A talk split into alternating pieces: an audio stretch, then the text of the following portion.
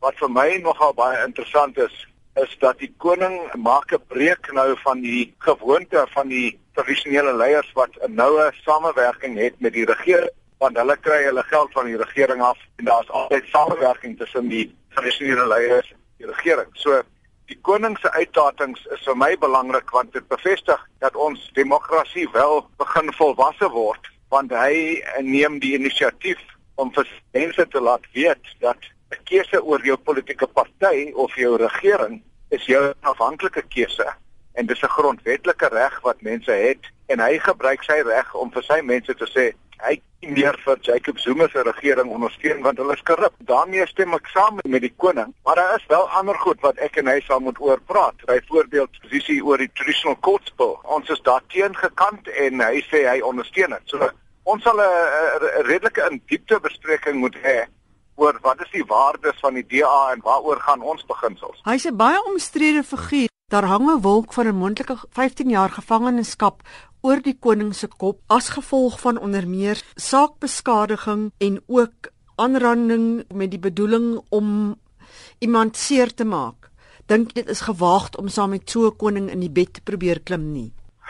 Dit is seker gewaagd, maar wat vir my nogal interessant is, al die jare wat verby is, was hy 'n ANC ondersteuner en sy pa, Sabata Dalindyebo, daar se munisipaliteit naam genoem en die Tembus is die stam waaruit Nelson Mandela ook kom en die ANC het nooit te veel gesê oor die, die koning en die klagtes wat hy teen hom gehad het. Maar wat belangrik is in hierdie geval oor the charges that he has against him is dat hy het hof toe gegaan. Hy het sy klagtes daar gaan antwoord in die hof. Hy het homself daar verdedig met sy eie geld. Hy het geappeleer met sy eie geld en hy het 14 aanklagte teen. Ek weet dit gaan nie oor hoeveel aanklagte mense het, maar die president van die land het oor die 600 aanklagtes teen hom. Hy gebruik belastingbetalers se geld om uit die howe uit te bly en hy manipuleer ook uh, the NPA, National Prosecuting Authority. So dis baie maklik vir Jacob Zuma om te doen en maak wat hy wil, maar nou dat die koning in die openbaar sê dat hy wil dit oorweeg om by die DA aan te sluit, is daar nou 'n groot herrie. Ek verstaan dit nie lekker nie. 'n Ander belangrike ding is dat in die grondwet van Suid-Afrika mag mense wat tronkstraf uitdien in die tronk, hulle kan ook stem. So ons gaan die die koning opskryf as 'n lid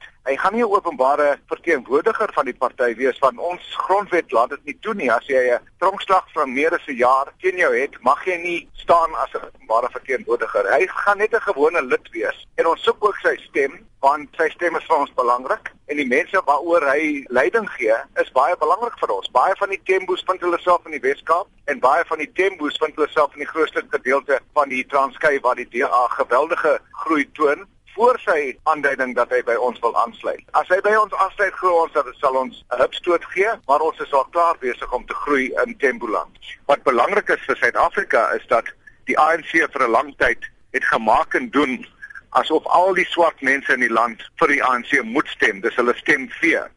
Maar in 'n volwasse demokrasie stem die mense vir 'n party wat hulle glo hulle lewe sal beter maak. En in die geval het die koning gesê hy het geen vertroue in die ANC en hy gaan vir die DA ondersteun. Hy het gesê die DA het nooit enige mense te neergedruk en dis vir my ook 'n baie belangrike opletting. So ek dink die speelveld is besig om bietjie meer gelyk te word en die feit dat die koning van die Tembo sê hy gaan die DA ondersteun is seker 'n groot skok vir die ANC want hulle het baie gemaklik geraak met die natuurlike ondersteuning van konings en hulle stamhoofde en tradisionele leiers dink nie hy loop die gevaar om die geld van die regering te verloor nie. Dit kan wel gebeur. Dis 'n kans wat hy moet vat. Maar dit is duidelik. Ons het gesien die week hoe maklik raak Jacob Zuma ontslaaf van sy kabinetslede wat nie saam met hom loop nie. So as 'n koning nie saam met hom loop nie, dan kan dit ook met hom gebeur. Maar soos die koning gesê het, hy's nie deur Zuma aangestel nie. Sy stam het hom aangestel en sy stam sal hom ontslaaf moet raak van hom. Die president kan nie net 'n koning wegsmyt of wegwens nie.